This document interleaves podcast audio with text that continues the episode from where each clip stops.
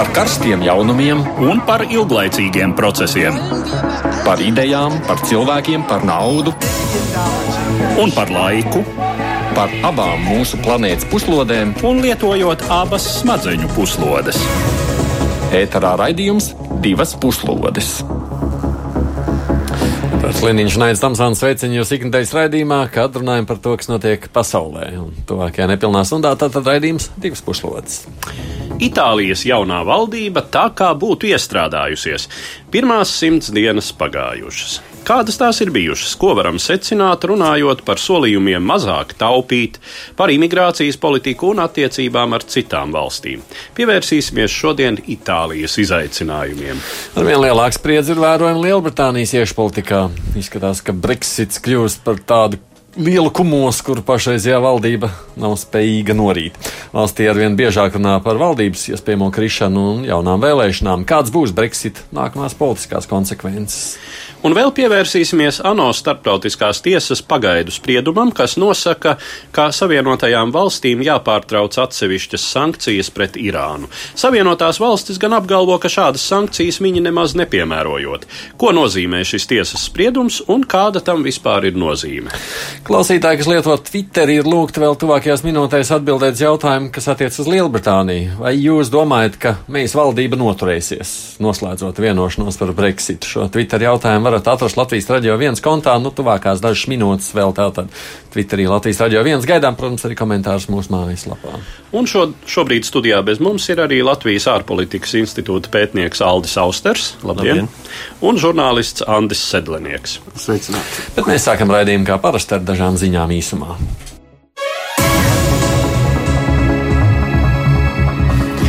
Tuvu pusotram tūkstotim bojā gājušo ir atrasti Indonēzijā, kur piekdienas stiprās zemestrīces un tam sekojošā tsunami dēļ ir notikuši milzīgi postījumi. Visa pasaule seko līdz tiem glābšanas darbiem un dramatiskajai situācijai Sulavesī salā. Cilvēkiem trūks gan dzeramā ūdens, gan ēdamā, veikals un sabrukušās mājas aplaupa marodieri. Tikmēr sutīgā laika dēļ draud izcelties epidēmijas. Satrocu- Satraucošo situāciju arī pasliktinājis ir vulkāna izvirdums, kurš sākās vakar. Ties vulkāna dēļ evakuācija nav uzsākta. Indonēzija ir lūgusi arī starptautisko palīdzību. Tikmēr glābēji joprojām vēl cer atrast zem drupām izdzīvojušos. Diemžēl šo postījumu dēļ joprojām ir vietas, kurām glābējiem nav izdevies piekļūt. ASV, ASV Senāts rīt rīkos balsojumu par Breta Kaveno apstiprināšanu augstākās tiesas tiesneša amatā. Kaveno izredzes ir aizēnojuši apsūdzības par pirms, nu, jāsaka, tajām teju četrām desmit gadiem notikušiem seksuāliem uzbrukumiem. Vairākas sievietes ir sacījušas, ka skolas laikā, būdams piedzēries, viņš rupji uzvedies, uzmācies meitenēm, un viena no sievietēm liecinājusi, ka Kaveno centies kopā ar draugu viņu pat izvarot. Viņai tobrīd bijuši 15, bet Kaveno 17 gadi. Pats Kaveno visas apsūdzības ir noliedzis. Pēc iekšējām politiskajām batālijām un politiķu pieprasījuma tad nosacīta izmeklēšana veids Federālais izmeklēšanas birojs, lai noskaidrotu, cik lielā mērā izteiktajām apsūdzībām vispār varētu ticēt, nu, un tad ar to izpētīt, vai ir jāiepazīstas senatoriem. Jāpiebilst, ka Savienoto valstu mēdīju notiekošiem ir pievērsuši ļoti lielu uzmanību. 70 tūkstoši eiro tik vērta ir bijusi Slovākijas žurnālista Jāna Kuciaka dzīvība. Februārī viņa un viņa draudzenes līdzi tika atrasta abu privātu mājā. Šī slepkavība izraisīja lielu politisko krīzi. Amats zaudēja arī premjerministrs. Vismaz daļēji prokuratūra šo noziegumu esot atklājusi. 44 gadus veca sieviete Halena aizturēta par slepkavības pasūtīšanu. Atrasts arī slepkavības izdarītājs, kā arī nozieguma divi līdzdalībnieki un atbalstītāji. Šobrīd nav zināms, vai pasūtītāja visu darījusi pati, vai arī bijusi tikai starpnieks vēl tālākam jumtam. Alēna esot strādājis pie Slovāku uzņēmēja Marijana Kočnera par tulkotāju, bet žurnālists par šī uzņēmēja Kočnera biznesa aktivitātēm veic izmeklēšanu. Prokuratūrai tagad ir jānoskaidro patiesie motīvi, kāpēc žurnālists bija jānogalina un kas tad ir galējie slepkavības pasūtītāji. Lielbritānijā saindētais dubulta aģents Skripais ir neliets un nodevējs. Tā viņa trešdien publiski nodevējs ir Krievijas prezidents Vladimirs Putins. Viņš uzskata, ka spiegu skandāls tiekot mākslīgi uzpūsts. Daži skripaļi dēvē teju vai par cilvēktiesību aktīvistu, viņš ir vienkārši spiegs, dzimtenes nodevējs. Ir tāds jēdziens, dzimtenes nodevējs. Lūk, viņš ir viens no tiem, viņš ir vienkārši neliets. Tā sacīja Putins. trešdien Maskavā runājot enerģētikas fóruma diskusijās. Putins kārtībā reizi ir noraidījis Krievijas iesaistīšanos skripaļu indēšanā. Tikmēr pasaulē šķiet gan izvērs neviens nešaubās par notikušo un turpina pētīt atklāto aģentu personības.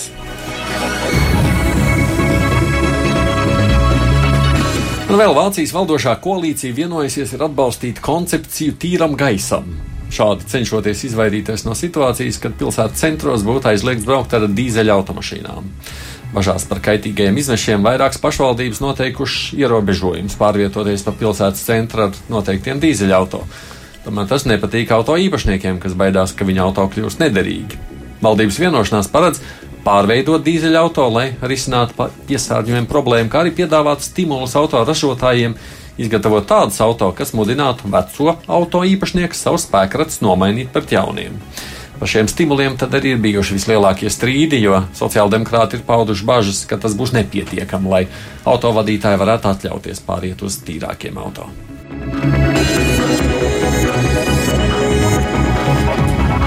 Bet tagad pievēršamies sākumā minētajiem tematiem un dosimies vispirms neklātienē uz Itāliju. Ir apritējuši jau vairāk nekā simts dienas, kuras Itāliju vada populistiskās piedzvaigžņu kustības un radikāla labējās līgas koalīcija.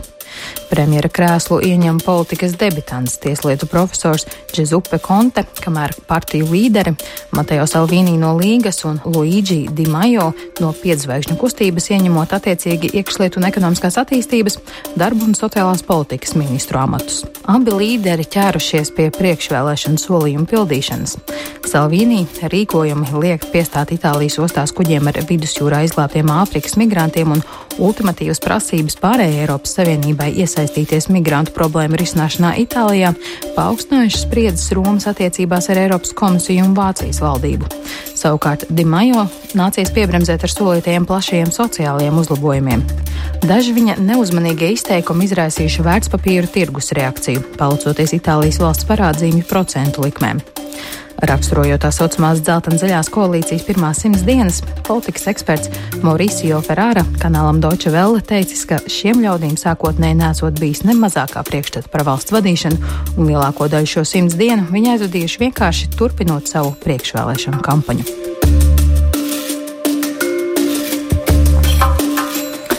Atgādījumi kopā mums ir Jānis Austers un Anna Sedlnieks. Ko sakāt par jauno Itālijas valdību? Kāds tad ir tas jūsu vērtējums no malas Andi?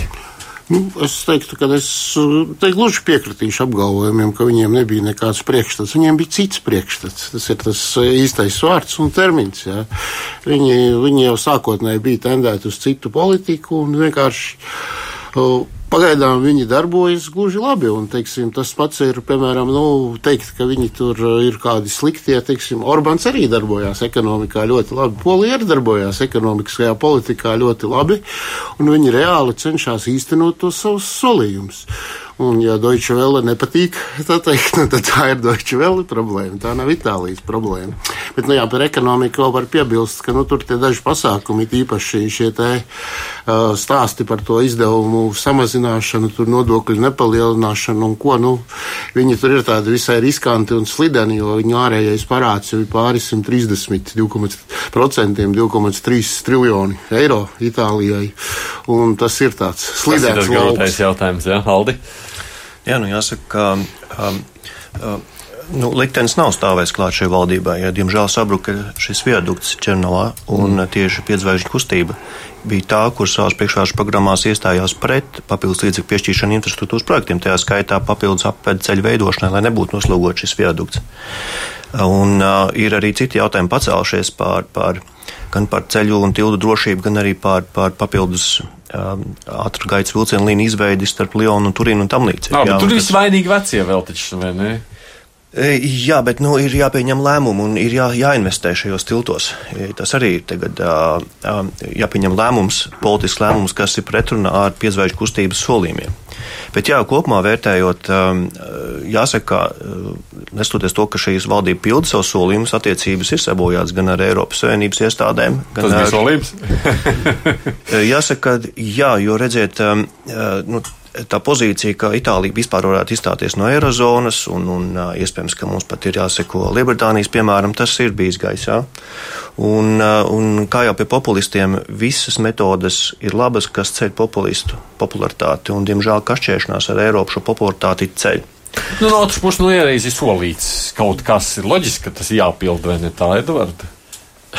nu, Nu? Tas ir ļoti labs jautājums. Nu kā, ja tu pirms vēlēšanām saki, ka tu to darīsi, kontekstā, jā. jā, nu, arī mums te ir visko soli. Taisnība. Uh, taisnība ir, jā, nu, teiksim, šajā sadaļā. Te gan jāsaka tā, ka šīs divas, šie divi spēki, kas ir izveidojuši valdību, tā tad pārstāv katrs savu līniju. Un, lūk, arī ieņemot attiecīgus amatus, tā tad Mateo Salvīnī kā um, iekšlietu ministrs, kurš tā tad arī nodarbojas ar to, ka nelaiž iekšā uh, vairāk bēgļu vai Jā. cenšas neielaist Itālijā, un uh, Dimajo kā Uh, tas bija diezgan salikts nosaukums. Nu, īsāk sakot, ekonomikas uh, un uh, ekonomiskās attīstības un, un, un, un mm, sociālo lietu, ne, sociālās lietas tur nu, gluži nebija. Jā, nu tā tad.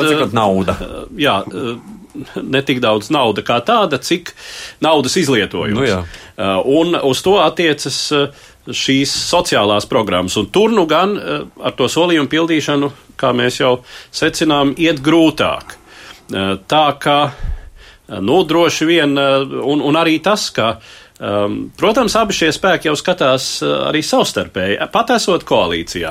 Un fakts gan ir tas, ka pamatīgi ir reitingi kāpuši tieši līgai kuras jājams zirdziņš ir pretbēgļu politika. Tāpēc, tā ka, labēji radikāli. Tāpēc, ka tur lietas notiek. Jā, savukārt uh, piedzvaigžņu kustība, kas bēgļu jautājumos pat ir diezgan toleranta. Uh, ar, savukārt tur jājams zirdziņš ir šie sociāli patīkamie, plašai sabiedrībai sociāli patīkamie soļi, nu viņiem ar reitingiem arī diez cik labi neiet. Ja? Jā, bet mēs redzam tātad stāsts par budžetu, deficītu un solīto, nu tur, tur tajās pēdējās dienās ir tā kā liekas, kaut kāds aplausiens nav. Nu, un... Ne, nu, nauda, nauda jau mīl skaitīšana, nauda jau nevar tā kā ar bēgļiem paņemt un vicināt karogu un klaigāt. nauda ir jāskaita. Jā. Nu, vienkārši nelaist kuģi iekšā ostā un lieciet, kur gribat. Jā, metiet, metiet atpakaļ jūrā. Tas, piedodiet, ir, tas ir viens, un otra lieta ir tā, kad, teiksim, nu, mēs, nu, kā, pieņems teikt, populistu kustība, daudzas tās partijas, ko sauc par populistiskiem, viņas patiesībā ir ļoti nopietnas, vispusīgas partijas ar daudziem speciālistiem un tā tālāk. Bet šis ir tas gadījums, ka tā tomēr pamatā ir, kā saka, viena jautājuma partija, šī piedzvaigžņu kustība, jā. Viņa pamatā ir tendēta uz vienu jautājumu. Tas jā. viens ir?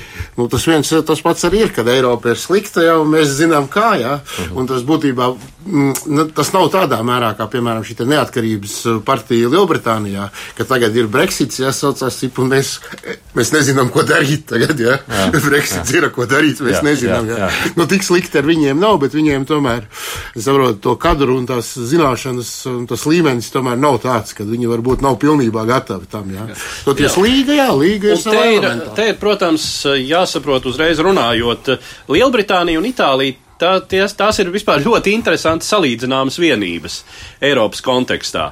Uh, jo uh, no abām jā, ir, ir kaut kādas tendences mazliet uh, virzīties nost, varbūt, un, un abas, abas ir teiksim, ļoti lieli spēlētāji līdzās tam uh, tradicionālam Eiropas tandēma dzinējam, kas ir uh, Vācija un Francija. Un uh, ar Lielbritāniju mēs redzam, kas ir noticis. Itālijas gadījumā, protams, līdzīgs variants ir daudz problemātiskāks, jo Itālija ir bijusi daudz tuvāk Eiropas formējošajam kodolam, nu faktiski šai kodolā jau no paša sākuma. Eiro ir iekšā. Uh, sabiedrība nauda. daudz mazākā mērā tomēr būtu gatava itāls, itālksitam vai, vai kaut kam tam līdzīgam. Nu, diezin vai kādā referendumā savāktu uh, pietiekam balsu skaitu, lai Itālija aiziet un arī uh, nu, arī Eiropai, uh, un, un tas tiek minēts arī šī lielā Itālijas parāda um, gadījumā, uh, Eiropai ir jābūt daudz uzmanīgākai, jo, ja nu tiešām Itālijas ekonomika sāk uh, brukt, ja, un piedzīvo, piedzīvo, un Itālija piedzīvo smagu uh, finanšu krīzi, kaut ko līdzīgu Grieķijai nedod Dievs, nu, tad, tad Eiropa, mēs tā skaitā to jutīsim, eiro to jutīs. Uh, Uh, nu jā, bet mēs jau redzam arī no Briseles vai nu, arī no citu valstu puses nu, tāda.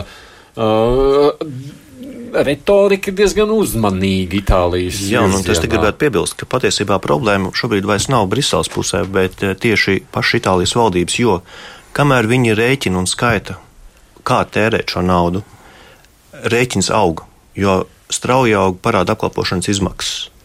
Eh, tas ir miljonos dienā.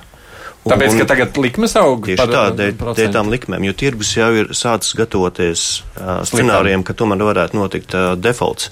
Un kas, ies, kas starp citu, un tā ir problēma Eirozonas valstīm, ka defaults Eirozonas valsts gadījumā ir daudz iespējamāks nekā tad, ja ir sava valūta, jo nebūs iespējams devalvēt.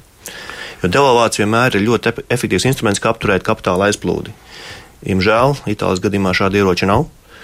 Un, ar to tas var izvērsties ļoti spontāni, haotiski, ļoti strauji. Un tiešām un šis izmaksas strauji aug, jau ir triljons. Īstermiņa parādsaistības ir sasnieguši. Tātad Itālijas ekonomika ir nedaudz virs diviem triljoniem, tad viens triljons jau ir īstermiņa parādos.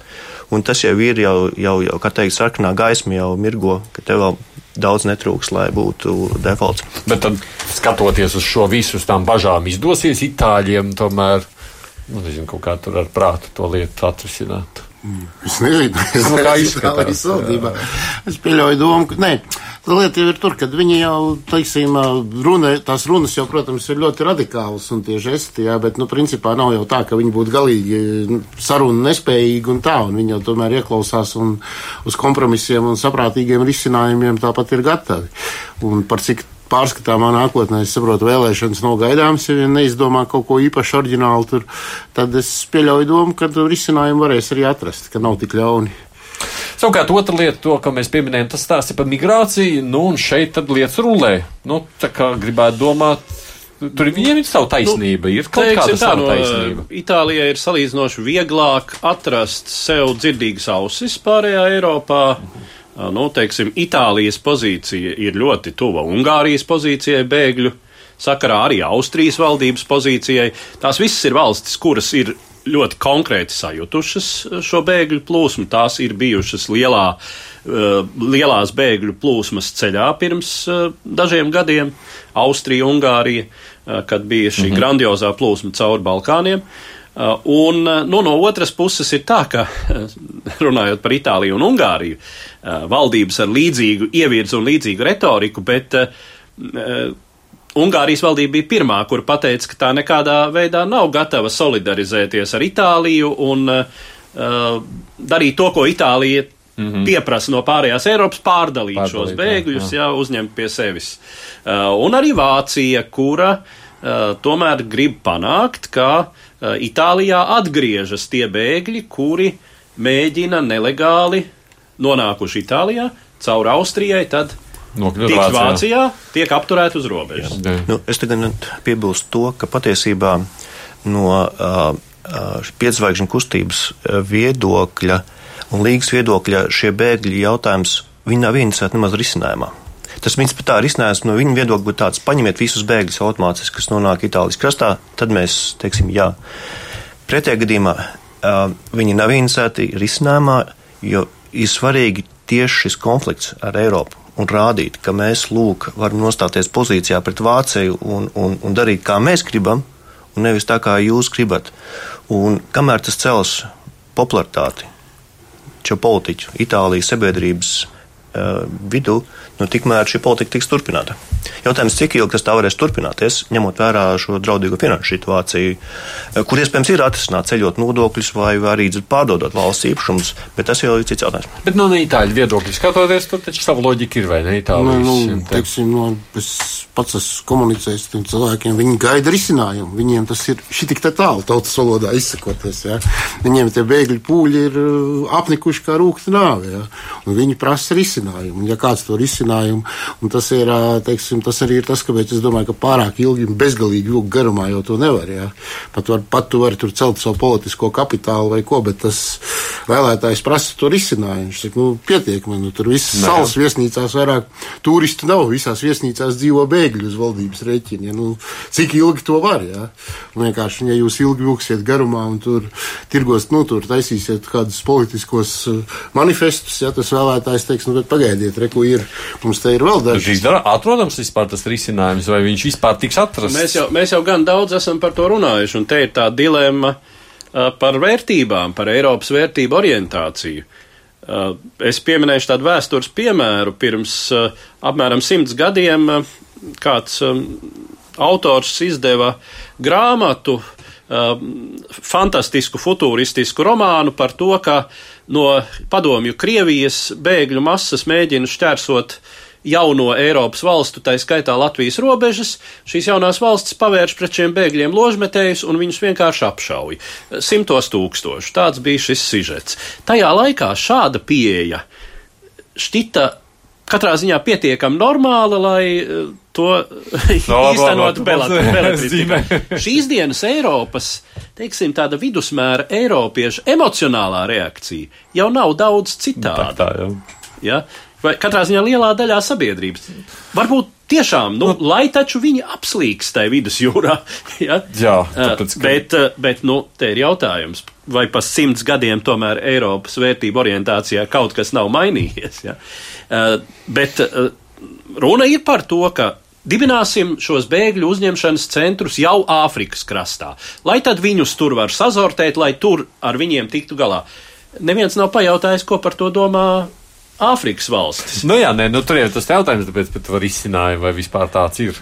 Ne, nu jāsaka, ka jautājums ir par to, kā šis jautājums tiek risināts Itālijā, vai viņš tiek risināts godprātīgi un, un ar patiesu vēlmi viņu atrisināt. Jo, protams, jā, piekrastes reģiona cilvēki cieš no, no šīm bēgļu masām, taču mēs pareiķinām, ka Itālijā dzīvo te jau 60 miljoni, un Itālijā nonākuši ir daži vairāk simti tūkstoši bēgļu. Nu, tas nav daudz uz kopēju Itālijas sabiedrību. Un, ja viņi tiktu pārdalīti šie bēgļi uz iekšzemes teritorijām, tad nebūtu šī koncentrācija pierobežu rajonos. Bet tas ir politiski izdevīgi rādīt, ka ir šīs bēgļu masas, ka ir šī sociālā spriedze, jo tas uh, baro noteikts politisks aprīns. Nu, ko, ejam uz nākošo Eiropas valsti. Ja? Mums ir nākamais stāsts par nākamo Eiropas valsti, kas gan, nu, jā, laikam, Eiropas Savienības sastāvā gan vēl būs tikai šķiet dažus mēnešus. mēnešus Lielbritānijas premjeras Terēzes Meijas runa vakar konservatīvo partijas kongresā tiek dēvēta par izcilāko oratoru mākslas paraugu viņas karjerā. Galvenās saturiskās ievirzes saistītas ar iedzīvotājiem tīkamiem soļiem veselības nozars finansēšanā un nodokļu politikā. Savukārt jautājumā par Lielbritānijas izstāšanās procesu no Eiropas Savienības premjeras pozīcija paliek nelūkām par spīti tam, ka par to viņai nākas smagi cīnīties nevien sarunās ar Briseli, bet arī daļu no pašas partijas. Gluži Muhameds Alī viņa nav, bet pretī turas. Tādu paraupju komplimentu pēc uzstāšanās mējai veltījis viens no viņas partijas biedriem Ir diezgan nepārprotami, ka sloks kādu premjerministrei uzkrāja Brexita process, laupa laiku un spēkus, kas būtu vajadzīgi konservatīvo organizatoriskai un idejiskai konsolidēšanai Lielbritānijas iekšpolitiskajā cīņā. Kā redakcijas rakstā Britu politikas pārveidas meklējumos norāda izdevums The Economist, konservatīviem īsti nav atbilžu uz daudzām problēmām, kuras faktiski mudinājušas vienkāršo Angli nobalsot par aiziešanu no vienotās Eiropas. Tā bijusi reakcija uz Londonas pārlieku komandējošo attieksmi pret pašvaldībām, uz publisko pakalpojumu nodošanu privātās rokās, kas nenāk par labu to kvalitātei, uz uzņēmumu spēju apiet darba likumdošanas prasības un vispārējo izjūtu, ka valsts ir mazspējīga pretdarboties starptautiskā liela kapitāla varai. Un kamēr konservatīvie ir mokošā meklējuma procesā, arvien noteiktāk atbildes skan no brītu politiskā spektra pretējā spārna, no Leiboristu partijas. Leiboristi ir gatavi straujam pagriezienam pa kreisi. Tiek cilātas idejas par obligātu darbinieku pārstāvju iekļaušanu privātu uzņēmumu padomēs un 10% kapitāla nodošanu strādājošo pārvaldītiem un valsts kontrolētiem fondiem, peļņu izlietojot sociālām vajadzībām. Respektīvi, valsts leiboristu versijā grasās paņemt krietnu ekonomiskās varas kumos no kapitālistiem, atdodot to strādājošajiem. Un kā jau minētajā rakstā norāda The Economist, Lielbritānijas politiskais mehānisms dod valdošajai partijai salīdzinoši lielas iespējas īstenot radikālas reformas, un šāda iespēja leiboristiem varētu rasties, ja mēs valdība neizturētu izstāšanās procesa pārbaudījumus.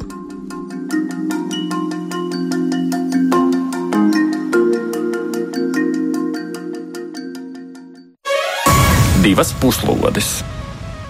Man kā viņš šeit studijā ar politikas institūta pētnieks Alts Austers un žurnālists Sandra Sedlnieks, protams, arī mēs ar Edvardu Liniņu. Cik gar jūs mūžu prognozēt Terēzes Mīs valdībai, vispār premjerei? Nu, es pieļauju, ka līdz izstāšanās brīdim viņa vēl tomēr paliks. Tā gribētos domāt. Savādāk tas haoss tur būs vēl lielāks. Viņš jau tāpat ir graujošs. Jā, bet nu, viņai vismaz vajadzētu. Es domāju, ka nu, tā racionāli būtu, ja kas to visu ir iesācis, tas arī to visu teikt, novad līdz galam. Tas ir tas izteikums par zirgiem uz pārbrauktuves. Un, un, un tad pēc tam? Nu, pēc tam, es domāju, pēc tam. Pēc tam viss, jā. jā es piekrītu Andrim, jā, šeit tiešām šķiet, lai gan to pārbaudījumu ir, ir uz soļa un, un, un iespējas kļūdīties ir daudzas mējai. Um, un katra kļūda var būt ļoti sāpīga. Tomēr šķiet, ka viņi ir tā kompromisa figūra, kurai ir uh, jānes šis krusts un jāiesnas līdz galam, un to rāda sabiedriskās aptaujas. Briti uzskata, ka uh, meija netiek īpaši labi galā ar savu uzdevumu, tomēr viņi uzskata, ka nav neviena labāka politika, kurš varētu šo uzdevumu uh -huh. īstenot. Jā, nu, droši vien jāpiekrīt. Ļoti daudz ko noteiks par tālāko pēc tā marta datuma. Tas, nu kā tad izdosies izstāties, vai izdosies panākt šo vienošanos, vai tā būs uh, izstāšanās bez vienošanās, kas šķiet kļūst ar vien iespējamāka. Nu, teiksim, tuvākais mēnesis vai varbūt pusotrs izšķirs, vai būs Jā. šī vienošanās. Ja vienošanās nebūs, tad, tad. Uh, tad nu, mēs jau pirms kāda laika par to runājām, un tas ir tā ieskicēts, ka uh, tas būs uh, loģistikas, transporta, uh, migrācijas, legālās migrācijas, jeb kādas ceļošanas haoss Tur var būt uh, nepieņem, lidostās nepieņemtas lidmašīnas, lidostās iestrēguši pasažieri, uh, terminālos iestrēgušas kravas un tā tālāk. Un tā nu, labi, mēs te zīmējam tā dramatiskā, un tajā pašā laikā, nu, tas ir stāsts, ja nav šīs vienošanās, un ko mēs redzēsim, kā mēs sakām, pa, apmēram pusotru mēnešu laikā, tad, tad premjerministrs uh, karjerē ir beigas Es neteiktu, nu, tas nav priekšnosacījums, lai gāztu Terēzu Meiju. Aha. Šeit drīzāk Terēza Meija ir tikus galā vienu uzdevumu. Viņa ir saglabājusi savas partijas uzticību. Partija viņai uzticās, un Boris Džonsons arī ir pateicis, nestoties, ka viņam nepatīk Meijas plāns, ka viņš tomēr atbalsta to, ka Meija paliek savā amatā. Tātad šeit ir kompromiss. Problēma būs tieši pretnostatījumā starp um, laboristiem un, un, un, un eh, kas atbalsta atvērtākas attiecības ar Eiropas Savienību un eh, mēs valdības balstītājiem eh, šo demokrātisko unionistu savienību no Ziemeļīrijas, kuri par ļoti, teiksim, kur vēlas saglabāt Ziemeļīriju kā nedalām daļu no, no Lielbritānijas ekonomiski. Respektīvi, unionistiem nepatīk tas, ka varētu uh, Ziemeļīrija kaut kādā veidā ekonomiski tik atlīt no, no, no, no Lielbritānijas. Un, nu, tā kā no viņa balsīm ir atkarīga Terēzes Mejas valdība, un ja tomēr sarunās ar Briseli tiek izdarīts šis spiediens novūkt šo robežu nevis Ziemeļīrijas salai pa vidu, bet uh, tieši starp īrijas salu un Lielbritāniju, tad unionisti var paziņot pār, pār savu atbalstu atsaukšanu mēs valdību. Un tad jautājums, ar ko viņi savāk savu valdību, vai ar, ar laboristu balsīm,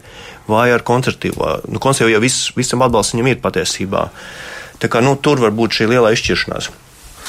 Skatoties uz tālāko, nu, jā. jā. Vēl jau ir arī Eiropas viedoklis, un tas viedoklis vismaz man rodās tāds iespējas, kad tā doma ir apmēram tāda, ka Lielbritānija pat labi ir pēc pilnas programmas jādabū ārā, jo pirmkārt ļoti, tas ir ļoti izplatīts viedoklis, ka nekāda Eiropieša viņi nav, ka viņi tādi trojas zirgs vien ir. Tas ir viens un otrs, jā, tā teikt, viņiem tas būs ļoti sāpīgi, jā, tad tas krietni samazinās visādu citu gribētāju, jā, citu gribētāju entuziasmu, jā, jo viņi domā, uzreiz pirmā doma būs, ka tas Britiem radīja tādu hausu, un ko, un ko tad mēs, mēs labāk pasēdēsim tepat. Mums jau gribētos, bet, jā, un tā tālāk. Jā, no Eiropa, protams, nevēlas radīt Katrā ziņā nevēlas radīt precedentu, ka izstāšanās sarunās kāds var diktēt Eiropai noteikumus. Jā. Un turklāt vēl viens aspekts tieši īrijas jautājums, jo redziet, ja, ja Eiropas Savienība piekāpsies mējai, tas nozīmē to, ka viņa nodod īriju. Un kāpēc Eiropas Savienībai ļaut nodot īrijas intereses, ja nav pārliecības, ka šis process var sekmīgi noslēgties pašā Lielbritānijā. Respektīvi, jo šo vienošanos jau var izgāzt balsojums Lielbritānijas parlamentā, un tad iznāk tā, ka nav nedz rezultāta, bet vienlaicīgi ir apvainota īrija. Un, un, un Eiropa neprakstīsies ar šādu soli, ja nav, bet, nav garantijas, ka izies cauri šī būtībā tajā jūsu sacītajā es saklaus, ka jūs sakāt, ka visticamāk jau vienošanās arī nebūs.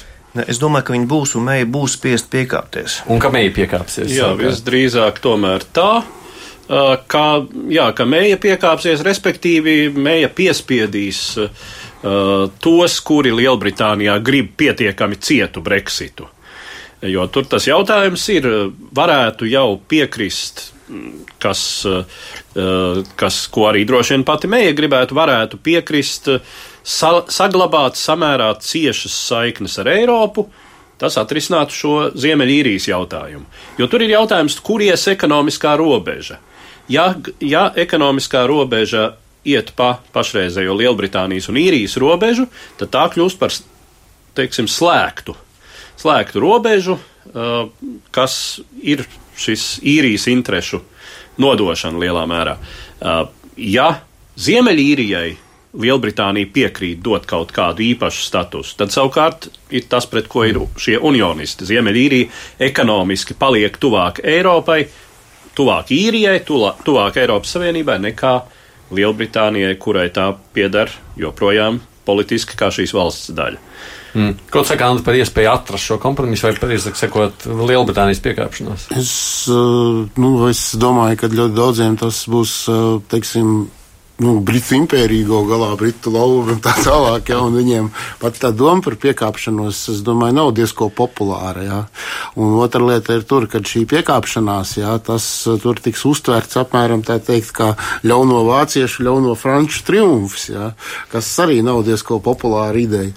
Bet, nu, es pieļauju domu, ka varianti jau nav ļoti nav daudz. Ir vai nu slikti, vai pavisam slikti. Mm -hmm. Tā kā es domāju, ka tam slikti un pavisam slikti, nu, Beigās... racionāla apsvēruma dēļ vajadzētu izvēlēties slikti. Šo piekāpšanos, vai ne? Nu, jā, nu, jā bet ja, ja šī piekāpšanās notiks kāds, tad tam būs iekšējās politiskās konsekvences pašā Lielbritānijā. Kā jūs sakāt, nu, tas populāri nav. Nevienam nepatīk. Nu, nu, Ļaut, ka būs valdības krīze. Tomēr būs. Es domāju, ka unionisti aizies no valdības, atsauks savu atbalstu valdībai. Un jautājums, kur mēģi dabūs šīs papildus balsis savas valdības noturēšanai. Vēl jau vairāk mēģis pozīcijas jau arī konservatoru partijā nav ļoti stabils. Tā jūs sakāt, ka tā valdības krīze ir gaidām nākošajā gadā neizbēgama līdz ar to? Viņa ir ļoti iespējama, bet, bet, bet jāsaprot arī, ka abas puses, gan Eiropas Savienība, Lietuvānija runā no spēku pozīcijām šobrīd, un jautājums, kurā pusē argumenti ir spēcīgāki. Man liekas, ka Lieb Eiropas Savienības pozīcija ir stiprāka tajā ziņā, ka viņi ļoti skaidri pasaka, bet kāpēc mums uzmest īriju, ja mums nav garantijas, ka jūs panāksiet to, par ko mēs vienosimies. Mm. Jā, runājot, nu, beig beigās vēl noslēdzot šo sadaļu, nu, runājot par laboristiem un viņu lomu tajā visā. Nu, viņi jau arī te, cīnās par iespējām jaunas vēlēšanas. Par... Ja laboristi varētu būt lielākie ieguvēji šī procesa rezultātā. Viņi būs lielākie ieguvēji. Mēs varam sagaidīt jaunas vēlēšanas, par ko viņi tik ļoti iestājas. Es domāju, ka ļoti, tas ir ļoti ticami. Viņi jau visu laiku iegūst. Viņiem popularitāte kāpj. Un... Teikt, viņi, viņi, viņi, tā teikt, ir, viņi ir metuši galdā, nu, ja mēs paskatāmies uz šiem priekšlikumiem. Um, es pats nebiju īpaši pievērsis uzmanību vakar sākot lasīt. Nu, ja mēs iedomājamies priekšlikumu Latvijas kontekstā, uh, atņemt, uzņē, paņemt no uzņēmumu pamatkapitāla vai, nu, respektīvi, vai, vai pamatkapitāls, vai, nu, katrā ziņā bija runa par 10% no īpašuma daļām. Uh, nododot uh, īpašiem fondiem kas šo, šos ienākumus, attiecīgi dividendes, lietos sociāliem mērķiem. Eh, kā tiek teikts, tad ir diezgan daudz uzņēmumu, kuros šāds fonds kļūst automātiski par lielāko šī uzņēmuma akcionāru. Desmit, kur, kur pārējiem akcionāriem ir mazāk par 10%. Ja? Jā. Runa ir par absolūti privātiem biznesiem. Ja? Ļoti sociāli. Mm. Sociālistiski. Sociālistiski, jā. jā. jā tas leiboristu vārds, jā, darba partija, mm. ir mazliet maldinošs. Tā ir sociālistiska partija, šobrīd visai radikāli sociālistiska mm. partija. Tas jau ir pēc, teiksim, pēc tā paša otrā pasaules kara, tur jau sociālās, sociālistiskās un kreisās idejas, viņas jau tur zēla un plauka, viņas bija saplaukušas krāšņiem ziediem, tur jau gandrīz aizgāja vienbrīd līdz skandināvu idejām, jā. Tā kā, tā kā nekā pārsteidzoši tas nav, jā, jā. Šis te, kas Korvins, ja, viņš tā teikt, būtībā atcerās jaunību. nekā, nekā tāda. Jā, un, un viņam Korbins pat nesot šai partijā radikālākais. Viņiem ir radikālāki domātāji. Um, nu, kas nozīmē, ka mēs ne tikai pēc pusotra kaut kāda novembrī, acīm redzot, mēs noteikti šeit vēlreiz raidījumā divās puslodēs runāsim par to, kas tad sanāca, būs vienošanās vai nē. Bet laikam jau izskatās, ka jebkurā gadījumā mums gaida ārkārtīgi daudz sarunas par Lielbritāniju līdz pavasarim. Pat ja tā vienošanās ir, vai viņi sanāks, tas ir liels jautājums. Leiboris jau sacīja, ka viņi jebkurā gadījumā balsos pret. Un bez viņiem var nobalsot. Nu, ja ir uh, unionisti ir kopā ar, ar, ar, ar, ar toriem. Tikai tad. Jā. Labi, paldies tik tālu. Nu, mums ir vēl viens uzmanība, temats mūsu uzmanības lokā. Tā ir ANO starptautiskā tiesa un Irāna. Starptautiskā tiesa ir augstākais ANO tiesvedības orgāns strīdu risināšanai starp dalību valstīm. Nulle izskatot Irānas prasību pret Savienotajām valstīm, tiesa lēmus, ka ASV jāpārtrauc sankciju piemērošana atsevišķu preču kategoriju eksportam uz Irānu, pārtiks precēm, medikamentiem un civilās aviācijas drošības aprīkojumam. Irāna jau nodēvēja šo lēmumu par uzvaru, savukārt ASV pauž pretēju viedokli, norādot, ka uz attiecīgajām precēm sankcijas vispār nav attiecinātas, bet Irānas galvenās prasības tūlīt izbeigt sankcijas un kompensēt radītos zaudējumus, tiesa noraidījusi. Tomēr eksperti lēš, ka šis starptautiskās tiesas spriedums var iedrošināt dažas Eiropas kompānijas atgriezties Irānas tirgū, no kuras tās aizgājuši, nobīstoties no ASV administrācijas reakcijas. Par ANO starptautisko tiesu mēs jau te vienreiz mazliet mēģinājām kādā citā raidījumā pieskarties. Mēs ļoti daudz neko nezinām par viņiem, vai ne? Ko, kāda ir jēga šādam tiesas spriedumam, Aldi? Ne, nu, nu, tiesa jau darbojās ilgi, jau no 48. gada, un, un viņi ir izskatījusi daudz nozīmīgas lietas, bet tā lieta, ka viņi izskata tikai lietas starp valstīm, strīdus starp valstīm, uh, Un uh, ANO šīs tiesas spriedumiem nav augstākais spēks. Šos spriedumus pārapstiprina ANO drošības padome, kurā piecām valstīm ir veto tiesības. Līdz ar to šī tiesa bijusi efektīva, lai risinātu strīdus starp mazām valstīm, bet tiklīdz ir jautājums skārs kādu no piecām veto valstīm, vai tā būtu ASV, mums ir tā ASV pirmā sot uh, uzlikusi veto šīs tiesas lēmumu saistībā ar, ar, ar konfliktu Nikaragvā 86. gadā. Tā, tā diemžēl, šī, šī drošības padoma var nobloķēt šo lēmumu. Līdz ar to iespējams, ka šis var būt šis gadījums. Jā, ka nav nekāds jēgas no tāda tiesas sprieduma. Tā? Nu, nu, teiksim, tiesa ir arbitrs starpvalstu domstarpību gadījumā. Ļoti kvalificēts arbitrs, bet jā, bez sankciju iespējām tiesai kā tādai. Nu, tā tad ignorēt šo tiesas spriedumu uh, varētu teikt nesmuki, lai gan, kā tiek teikts, ASV un arī Irāna ir ignorējusi šīs mhm. tiesas spriedumus savā laikā. Um, tur ir vēl interesants nianses par to, ka um, jautājums, vai ir joprojām spēkā līgums, kuru 1955. gadā Savienotās valstis slēdza ar Irānu, kurā tobrīd vēl valdīja šahs, kuru Irāņi 70. gados eh, Islāma revolūcijā gāza. Un uh, valsts tika radikāli mainīta, tā skaitā radikāli sabojāja savas attiecības ar Savienotajām valstīm. Uh, Savienotās valstis šo līgumu uzskata par spēkā nēsošu kopš, uh, kopš šiem notikumiem. Nu, it kā starptautiskā tiesa ir tomēr spriedusi, ka līgums ir spēkā. Eh, par ko Maikls Pompeo ir pateicis, ka nu, nokavējušies par kādiem 30 un cik tur gadiem ja, ar šo spriedumu. Bet tad ir jēga kaut kāda tādā tiesā. Mm, nē, nu, jēga ir principā, ja man ir par divām Āfrikas valstīm, ja, kas tur savā starpā kaut ko strīdās, vai tur par kādām, nu, tiešām nu, mazsvarīgākām valstīm, bet, nu, liela valstis, kas ir, jā, viņas ir vienkārši atļauties šos lēmumus ignorēt, ja tu esi lielvalstī, kādai lielvalstī ļoti tūs draugs, ja, tad tā tiesa tur var lemt, ko viņi vēlās. Ja.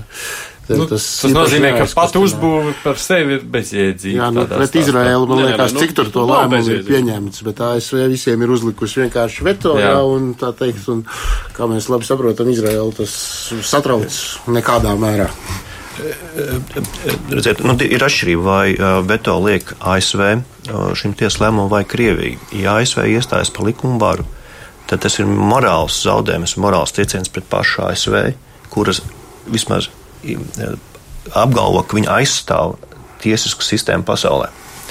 Līdz ar to jā, viņu var motivēt un teikt, ka uh, tas nav saskaņā ar, ar ASV interesēm, vai tas ir pret ASV nacionālajiem interesēm. Bet jāatcerās, par ko ir šī lieta. Ne jau par visu sankciju atcelšanu, bet par to sankciju atcelšanu, kas, kam ir ieteikumi uz cilvēku drošību un veselību Irānā. Jautājums bija par uh, pārtiks produktiem, medicīnas un jā, cilvēks aviācijas mm. rezerves daļām. Nu, Protams, viņi, Trumps var pateikt, nu viņi visi var sagaidīt, pateikt, ka šis lēmums ir, ir kārtējais apliecinājums, ka no nedarbojas ASV interesēs un ir kaitīgs ASV, bet no otras puses, no, no tās sabiedrības, ASV sabiedrības viedokļa, kur tomēr pastāvošo likumu varu īsti nav argumenti, lai, lai piekristu Trumpam šajā pozīcijā. Nu jā, šis jā. tas jautājums par šo konkrētu. Nē, nu šķiet, ka, šķiet, ka ASV tomēr šajā gadījumā no šīs sprieduma ir.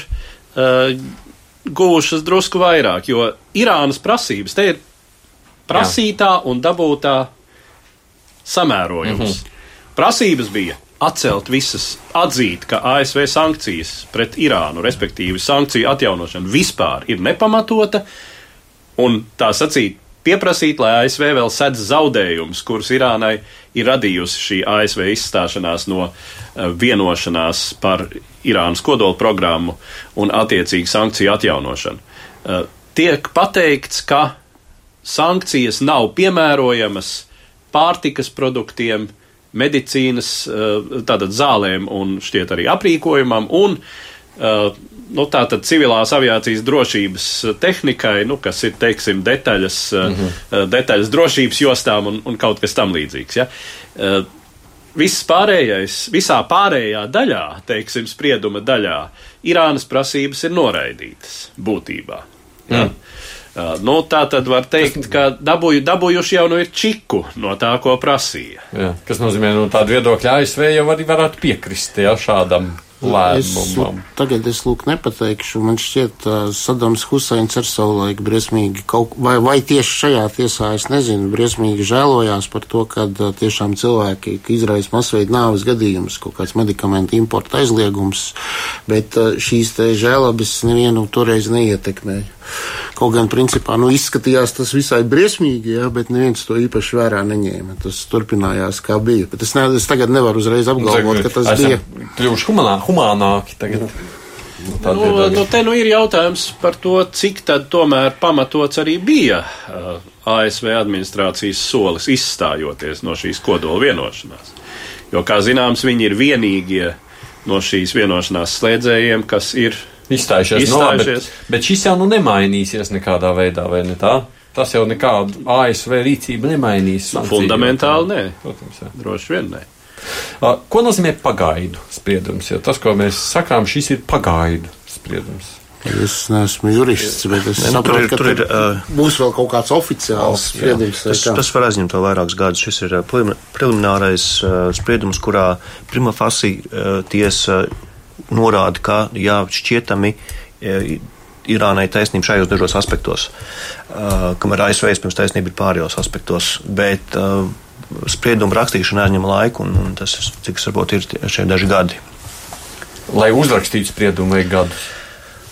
Nu, nu, tur būs formulētu, acīm redzot, definētu. Jā, nu, procedūras. Mēs neviens neesam juristi. Jā, jā, jā. Nevaram nu, labi, komentēt. Pa, mums ir vēl 5 minūtes, tāpēc es to pašu ideju kā tādu. Nu, kas tā tālāk notiks ar Irānu, kas notiks šo kodolu vienošanos, vai būs kāda jā. piekāpšanās? Nē.